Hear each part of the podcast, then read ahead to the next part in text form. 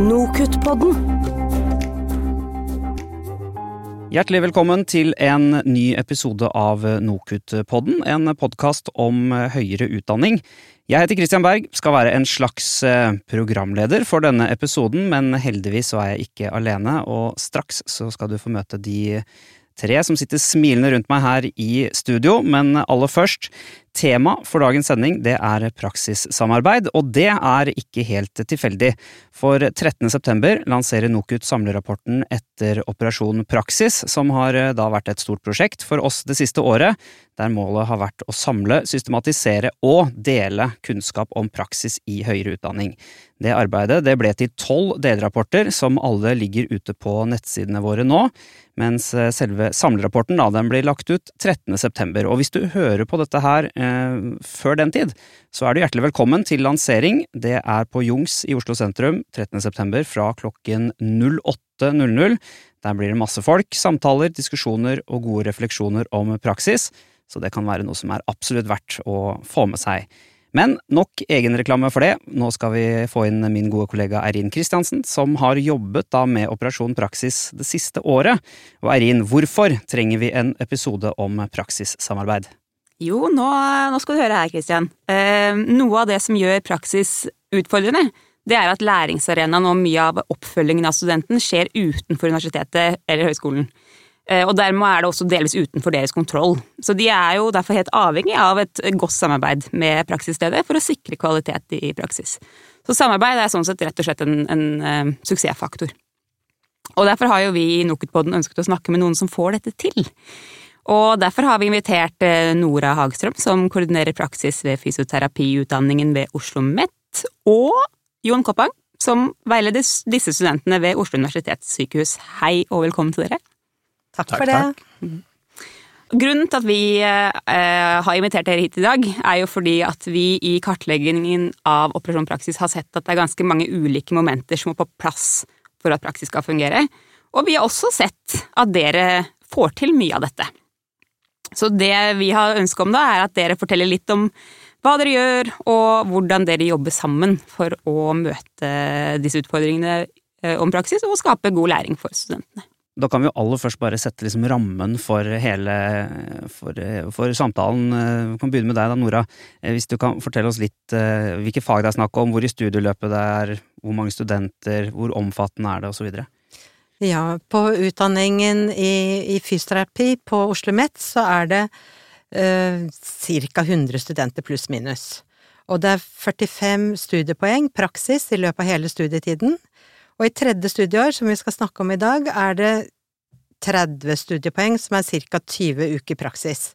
Så hver student har eh, mellom åtte og ni uker to, to ganger, pluss en klinikkeksamen, og det er det som er de 30 studiepoengene. Og vi har vel mellom 20 og 30 praksissteder. Mm. Eh, og da er jo et av de dere på eh, Oslo universitetssykehus. Ja. Vi vet jo, eh, eller vi har sett i prosjektet, eh, at kontinuitet i samarbeidet er viktig, og det vet vi eh, at dere har. Men hvilke andre eh, suksessfaktorer tenker dere at Eh, er der for, for, å skape et godt samarbeid. Jeg tenker at kontinuitet er liksom ganske sentralt. Jeg har holdt på i over 20 år, og jeg har vært så heldig at eh, moren min var jo lærer der før, så det er vel litt i blodet. Men eh, kontinuitet, og at vi, har, at vi blir kjent med hverandre over tid, og vi kan utvikle ting i fellesskap. Ja, det er jeg helt enig i, og vi har jo over tid jobbet mye med å etablere mange møteplasser. Mm At vi møtes da, praksisveiledere og eller praksissteder og utdanningen møtes på forskjellige måter, både eh, via møter, men også at kontaktlærere kommer ut i praksissteder, og også digitale møter har vi. Jeg synes særlig det med veiledersamlingene som vi har et par-tre ganger i semesteret, var ganske betydningsfullt, for vi møter jo de andre praksisveilederne, og du som eh, praksiskoordinator, du henter jo inn andre ressurser på disse møtene, så vi får jo både faglig påfyll, og vi får eh, diskutert ting med hverandre, og sånn sett luftet en god del ting, så det er vel en av de tingene som har fungert fra dag én, tenker jeg. Ja, det tror jeg er viktig, det å få til et uh, veilederforum. Og på de møtene, som du sier, vi har faglige temaer, vi tar også ofte opp hva som blir undervist inne i teoriundervisningen, og på hvilken måte det er relevant, og hvordan det kan følges opp i praksis. Men noe som kanskje er aller viktigst, er at alle veilederne møter hverandre, sånn at de kan utveksle erfaringer og få tips. Hva gjør dere som funker, og hva gjør jeg når jeg møter disse utfordringene? Akkurat de rundene tror jeg er veldig verdifulle. Så da har dere en arena hvor dere både får på en måte faglig påfyll og hva skal man si, veiledningspåfyll? Ja, og vi diskuterer med hverandre fordi vi har ulike erfaringer. Og det er jo et heldagsseminar. Så vi er der hele dagen, og har muligheten på småprat med lunsj imellom også, og da er det jo både erfarne og nye får muligheten til å utveksle erfaringer. Og i kjølvannet av dette så har vi da fått laget et elektronisk praksisveilederrom på Canvas, som alle praksisveiledere har tilgang til, hvor vi da både legger inn råd, tips, dokumenter som da ikke studentene har tilgang til. Og det er jo anonymisert, det er ikke mot studentene, men det er veiledningserfaring som vi kan høste fra hverandre.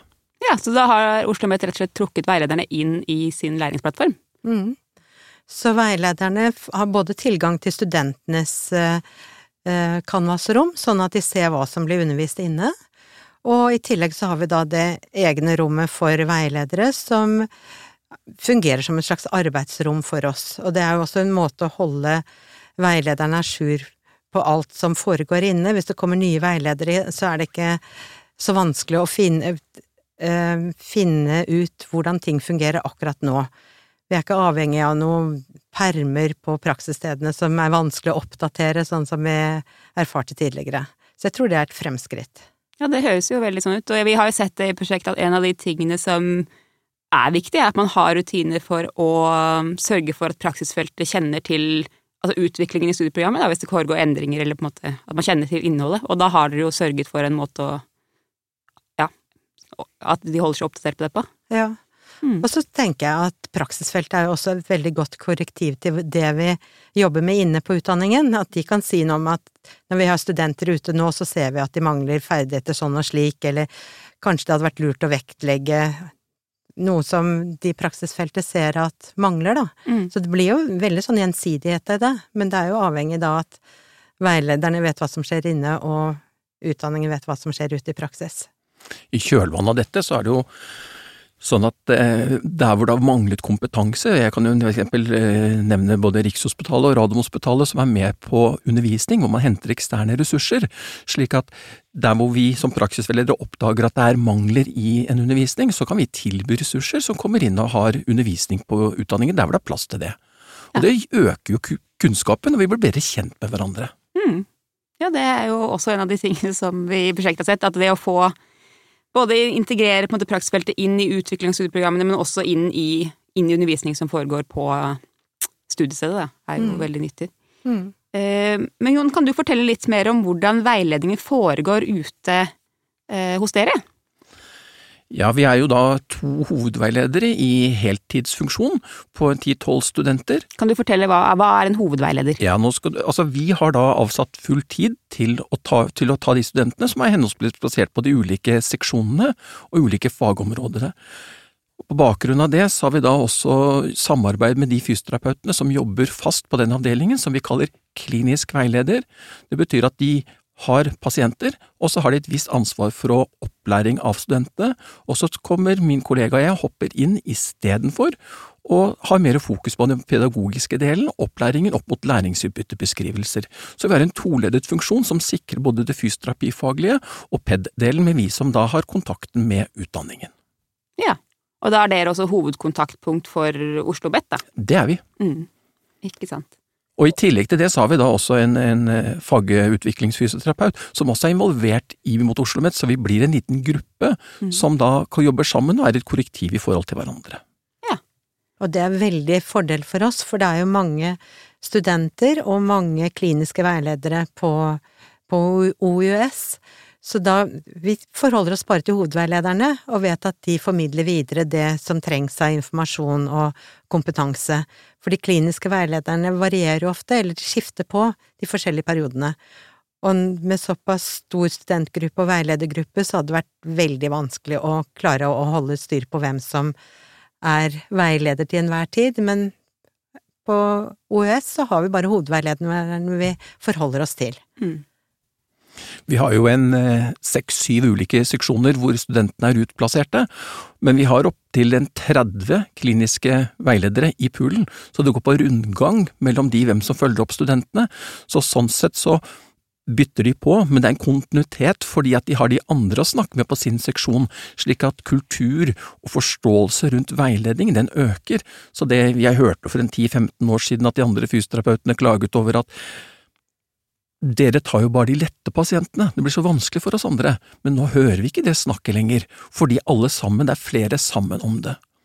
Og de seksjonslederne som jeg arbeider mot, de har vært eh, veldig positive, og det har sett jeg har fått en ganske stor nytteeffekt av at kliniske veiledere har da en ti studiepoeng i veiledning, fordi eh, i andre sammenhenger, når de snakker om forskning eller andre ting, så er det dempet konfliktnivå med økt relasjonskompetanse, og kvaliteten på pasientbehandlingen blir en annen i det øyeblikket du kan noe mer om veiledning. Så slik jeg hører det, så snakkes det om at vi vil ha studenter, vi vil ha kliniske veiledere, vi vil ha høy kompetanse, og det samsvarer også mot OUS sin utdanningsstrategi. Eh, hvordan, har, eh, hvordan har dere jobbet for å sikre en sånn forankring for veiledningen? Det er eh, for det første, det første som gjorde, var at man ble avsatt tid for at noen skulle kunne sette seg inn i dette, altså to stykker i heltidsstilling. Eh, vi, ble beskåret, vi var tre i starten, men vi ble beskåret med én, og da var da vi kom på ideen at vi måtte koble inn kliniske veiledere for å kunne få til denne tosidigheten med pedagogisk kompetanse og fagkompetanse. Og så har jeg fått god støtte fra Oslo OsloMet og i forhold til ulike typer dokumenter som jeg viser til. Og over årene så mener jeg at OS har gjort en kraftig jobb med å rette fokus mot praksisveiledning, i tillegg til at det er mange andre instanser som også er opptatt av det samme. Så det er veldig gledelig. Ja, vi vet jo at uh, det at man har med ledelsen på laget, det gir jo både ressurser og, og prioriteringer, og er definitivt et uh, behov for uh, ja, praksis mange steder. Det er en suksesskriterium til, og det er at når vi har kontaktlærebesøk, så er det mange av de kliniske veilederne da som også har lyst til å være med og se på pasientbehandlingen og diskutere med student om det samme, og sånn sett så får de et innblikk i hvordan skolen tenker om dette, og utdanning får også et inntrykk hvordan fag, fagfysioterapeutene tenker rundt det. Så sånn sett så har det blitt en økt interesse, og det er i ferd med å utvikle seg sånn, det er litt status å være praksisveileder. Liksom, det er ikke bare noe som du må gjøre et nødvendig onde, men det er noe som du faktisk brenner litt for, for du ser at du får noe igjen for det. Og på de 20 årene som jeg har holdt på, så har vi fått veldig mange studenter tilbake som en veldig viktig ressurs, som trives godt, og vi ser at vi får til et godt miljø rundt dette. Så dette satser vi på. Mm. Det, er godt, eh, det, er godt, å høre. Du, du nevnte det med kontaktlærer, Jon, og det tror jeg også er en viktig ting, eh, en viktig møteplass mellom eh, praksisfeltet og utdanningen. For da har det vært praksissted, har en kontaktlærer som er ute, litt avhengig av hvor mange studenter som er der, men som er ute i praksisfeltet, og møter da veileder og student og pasient ute. Og vi prøver så langt det går at det er faste veiledere, så det blir en kontinuitet der òg. Og det hører jeg også fra kollegaer, at det er ikke vanskelig å få, folk til å være kontaktlærer, for det å komme ut og se pasientene, og se studenter med pasienter, og se litt hvordan fungerer det som blir undervist inne, er veldig inspirerende for, for lærerne også. Mm. Men det blir jo ikke det praksisskapet heller, for det er noe med den måten eh, kontaktlærerne møter oss ute i praksis på, jeg får en følelse av at vi, det er noe vi skal utvikle sammen, så jeg inviteres jo på en måte inn i denne utdanningssituasjonen og tilrettelegging for læring, ved at det kommer ikke noen og trer noe nedover hodet på meg, men jeg inviteres med til å mene noe, og det øker min motivasjon. Pluss at eh, når kontaktlærere er ute, så hilser på seksjonsledere, de snakker med andre, slik at vi blir kjent med hverandre, og sånn sett har mye eh, utveksling av informasjon. Mm. Jeg tenker jo at det er inne på noe som, som i hvert fall vi har sett veldig mye i, i dette prosjektet om praksis, og det er at det er veldig mange som melder om at vi snakker ikke samme språk. Mm. Altså at det, universitetet forstår ikke hvordan hverdagen er her ute i praksis, eh, på praksisfeltet, eller, eh, eller motsatt, da. At de mm. skjønner ikke hva vi holder på med her inne på, på, på universitetet, for eksempel. Og da er det Det gjør det jo så vanskelig å skulle skape en god læringsarena for studentene, hvis man ikke er enige om hvor man vil. Men da høres det ut som den dere har fått til det at man på en måte faktisk snakker sammen, jobber sammen som, som på en måte et team, da. Snakker samme språk, rett og slett. Ja, vi har jo jobbet med det, for det er jo to forskjellige språk ofte. Og vi ser jo det særlig på, på programplaner, undervisningsplaner, læringsutbyttebeskrivelser. Det har vi jo hatt oppe på de praksisveiledende møtene. Hva betyr egentlig dette? Vi ser jo at vi bruker litt forskjellige ord, og da at vi snakker om det og forklarer hverandre og blir enige om hva, hva det innebærer, de forskjellige begrepene, er jo avgjørende for at vi i det hele tatt får til å dra i samme retning. Mm. Jeg synes det er morsomt å Når vi møter disse studentene som har vært hos oss noen år senere, så synes jeg alltid det er morsomt å spørre hvordan var det, når, når har du vært ute og jobbet som fysioterapeut, hva var det du syns? Du har vært på flere praksissteder også. Hva syns du? Hva, hva syns du var bra? Hva likte du? Hva skulle vært annerledes? Og det er hyggelig å høre. Et eksempel var en student som vi hadde for nesten 20 år siden. Nå sitter han og utvikler er en av spissene innenfor sitt fagfelt, for han sa det at når du begynner med noe, uansett hva det er, det er så spennende, det er bare å åpne døra, så er det dører som åpner seg hele veien. Og jeg husker ikke at jeg hadde sagt det, han nevnte det for meg, jeg synes det er litt morsomt, han, han sa det at dere er inspirerende, dere har troa på oss. Og dere sier at det spiller ingen rolle hvor faglig sterk eller svak du er, for det er like spennende pedagogisk for oss. Ja, ikke sant? Så vi får en følelse av at eh, studentene føler seg velkommen, men det er jo et helt miljø som ligger bak dette her, da, hvordan vi har jobbet det sammen. For det nytter ikke bare at jeg eller klinisk veileder har tro på studenter, men at hele gruppa synes at det er interessant. Mhm. Når studentene er ute i sjette semester, så har de kanskje i lunsjen snakker om nei, bacheloroppgaven sin. Det blir helt nytt for de som er der bidrar kanskje med noen nye ting som de har lært inne på skolen til de andre. Så sånn sett så blir studentene sett på som en ressurs, og ikke nødvendigvis bare som sånn hår i suppa. Ja. Det tar tid. Eh, jeg må jo si at jeg har jobbet litt for det. Det har ikke skjedd helt av seg selv. Men jeg opplever jo at veldig mange studenter, når de kommer til tredjeåret med disse lange periodene, at de er ganske nervøse når de skal ut i, i praksis, og hvordan går nå dette? Og da er det veldig fint å kunne berolige med å si at vi har tett kontakt med disse veilederne, de er inne på veiledermøter, de vet hva som er undervist, og de vet at dere er nervøse. Og når jeg har truffet studenter når de kommer inn igjen liksom etter en praksisperiode, så er det mange som sier ja, men vi kunne jo noe allikevel, og veileder visste at vi var nervøse. Så det er jo også en fin måte å eh, øke læringslysten hos studentene, det at vi har såpass god kontakt som vi har. Mm. Det er jo veldig morsomt, for det, veldig mange av disse studentene er jo i 20-30-årene, og de har jo, de fleste har jo vant til å ha kontakt med jevnaldrende.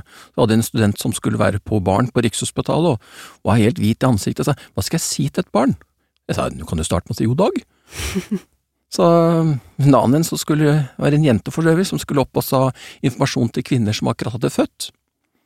Og hun sa men jeg har jo ikke født, og da måtte jeg si til henne at det har ikke jeg heller, sa jeg. Så vi klarer oss å liksom legge listen litt lavt og berolige dem. Ja. Og da får jo veldig fine innspill med kontaktlærere på besøk, hvor du ser hvordan de håndterer studentene, for de gjør det på en helt annen måte én til én enn når du underviser i en stor gruppe som en forelesning. Mm. Men sånn som jeg hører da, så har jo dere på en måte sørget for, eh, for god kontakt mellom måte, faglærere og praksisveilederne. Dere har sørget for møteplasser. Eh, på uli, altså ulike typer møteplasser også. Dere har sørget for at eh, veilederne får god informasjon om studiet gjennom Canvas, som jo er et ypperlig tips til veldig mange der ute. Jeg vet at er tenker på sånne ting. Eh, og så har dere dette her, eh, den ordningen med at alle eh, praksislærere har, altså de er, har sitt praksissted. Mm. Eh, så man har sørget for at det er noen klare kontaktpunkter, som jeg tenker at er viktig. Hvordan er det med evaluering av praksis, kvalitetssikring av praksis hos dere? Hvordan gjør dere det? Eh, studentene eh, sender inn et evalueringsskjema etter hver periode, og veilederne gjør det samme. Ja, Så veilederne er inkludert i dette? Veilederne har sitt eget skjema, og studentene har sitt skjema. Og så blir det oppsummert Altså, jeg leser gjennom alle skjemaene, og hvis det er noe som virker veldig eh, uklart, eller det er noe som ikke virker bra, så tar jeg det opp med veileder eller student for å liksom høre litt hva, hva det er for noe. Hvis det ikke er noe spesielt, så får alle veilederne får oppsummering på slutten av studieåret for eh, den totale studentmengden og fra sitt eget sted. Og det samme med da eh, veiledernes evalueringsskjema. Mm. Og det blir rapportert da videre til, til min leder igjen på, på Oslo OsloMet. Jeg synes det er egentlig et ganske godt verktøy, altså bli tittet i kortene av studentene, og dette er jo ting som da min leder også titter meg i kortene på via studentene. Mm. I tillegg til at eh, når studentene har avsluttet en praksisperiode og de har fått en eh, tilbakemelding og bestått, ikke bestått og blitt fortalt om hva deres ressurser er, hva de bør jobbe videre med, så synes det alltid vært morsomt å spørre dem du, neste uke så kommer det nye studenter. Av det, slik du opplevde meg, hva mener du er så bra at det må jeg i hvert fall fortsette med? Mm. Så får jeg svar på det, og så stiller jeg neste spørsmål om det skulle være noe. Er det noe du synes jeg skal endre på eller slutte, på, slutte med? Og de føler at det er et trygt å svare på det, for de har fått sin evaluering, så uansett hva de svarer, så har det ikke noen direkte konsekvenser for dem. Og sånn sett har jeg fått sånn én-til-én-samtale hvor jeg får tilbakemeldinger direkte til meg, Mm. og det er anvendt. og Når jeg liksom ser på alle studentene, så kan jeg se om er det en trend, og det er det jo. Eh, Du kan godt være litt kortere av og til, Jon. Mm. Du er litt ivrig etter at vi skal tilbakelegge langs, lengst mulig distanse, lært mest mulig på kortest tid, så slipp deg litt ned innimellom. Mm. Men det tror jeg blir vanskelig. Ja, men da er dere jo inne på noe av det som vi også har sett at det er viktig, at, på en måte, at praksisfeltet dras inn i kvalitetssikring av praksis. Det er det, det, er det mange som ikke gjør.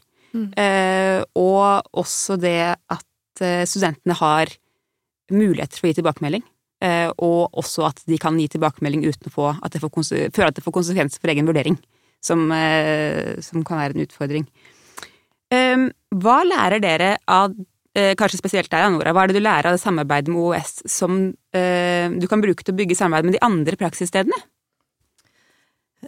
På OUS så er det jo helt spesielt eh, den forankringen i ledelsen og ressursene de setter, setter av. Og det er det klart at det er det jo mange andre praksissteder som ikke har anledning til. Men jeg tenker akkurat det med de møteplassene er viktig, uansett hvilken utdanning man er på, at man møtes, og at hvis det er nye veiledere, at det er, blir etablert et sånn veilederforum på et eller annet vis, på et eller annet nivå, at veiledere treffer andre veiledere, eh, tror jeg er ganske vesentlig. Og det, den organiseringen de har gjort på OUS med hovedveiledere og kliniske veiledere, hvis eh, andre steder syns det er nyttig å organisere det på den måten, så er det jo eh, kanskje et tips. Men hele tiden denne forankringen i ledelsen og å sette av ressurser, jeg tenker jeg er noe av det aller viktigste. Det tar tid å veilede studenter, og forhåpentligvis så eh, kan man jo erfare etter hvert at det er verdt det. Både at det kan være inspirerende å ha studenter, at det er en rekrutteringsmulighet, og at det gir noe tilbake til praksisstedet, at de faktisk har mulighet til å påvirke utdanningen også. Har, det, har du noen eh, tips til den store verden der ute, Jon, om hvordan få til praksis på en god måte? Jo mer man kan, jo mer spennende er det. Så rett og slett også øke sin kompetanse på veiledning er veldig interessant. I tillegg så vil jeg si at eh, en annen suksesskriterier er disse mangfoldige ulike måter å samarbeide på, på ulike nivåer, både som en uh, top, heter det, top down, middle out and bottom up, for å få det til å virke. Samtidig er at det i sin utdanning da inviterer praksisfeltet med på et reelt samarbeid i videre utvikling av studieprogrammer, justeringer av undervisningen, så føler man som at man er sammen om det. Det kommer ikke bare noen og sier dere tar sjauinga. Ja, da skal jeg jo eh, prøve å oppsummere det vi har snakka om, eller dere har snakka om. Jeg har jo ikke sluppet til i det hele tatt, men det er kanskje bra, fordi da var det jo eh, lett forståelig og eh, veldig interessant. Men det jeg biter meg merke til, er, jo at det er et samarbeid. Kommunikasjon og samarbeid er jo en, det er jo en nøkkel for å få til, få til dette her. Opprette um, arenaer hvor man kan møtes, både praksisfelt og fra skolene ha Det kan være både fysisk eller elektronisk, som det også ble sagt her. Um, og at man selvfølgelig må ha dette forankret med ledelsen, ellers så er det jo vanskelig å få til, få til noen ting. Sånn er det jo bare.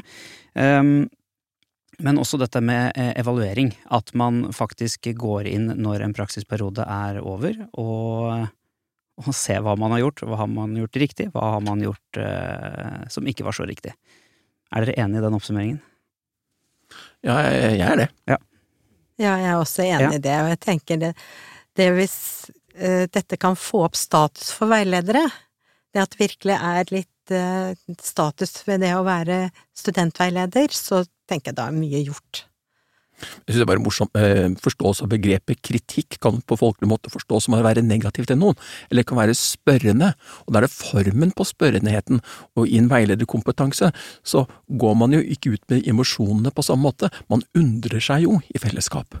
Så nettopp det at du har et praksisfelt og en utdanningsinstitusjoner som i fellesskap er interessert i å finne ut av ting sammen, og ikke med at man føler man blir tatt, det blir speint på, ben, ben på, liksom sånn derre Gale, gale taklinger, det er gult kort, det.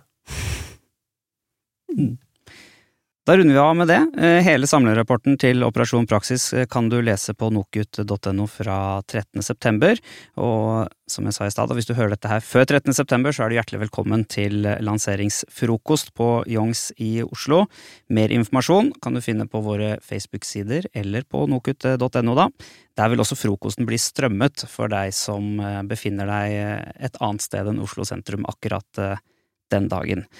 Da sier vi takk til Nora og Jon. Takk for at dere kom. Tusen takk for at vi fikk lov til å komme. Ja, takk for at vi fikk komme. Og så høres vi eh, neste gang Nokut-podden er tilbake. Takk for nå.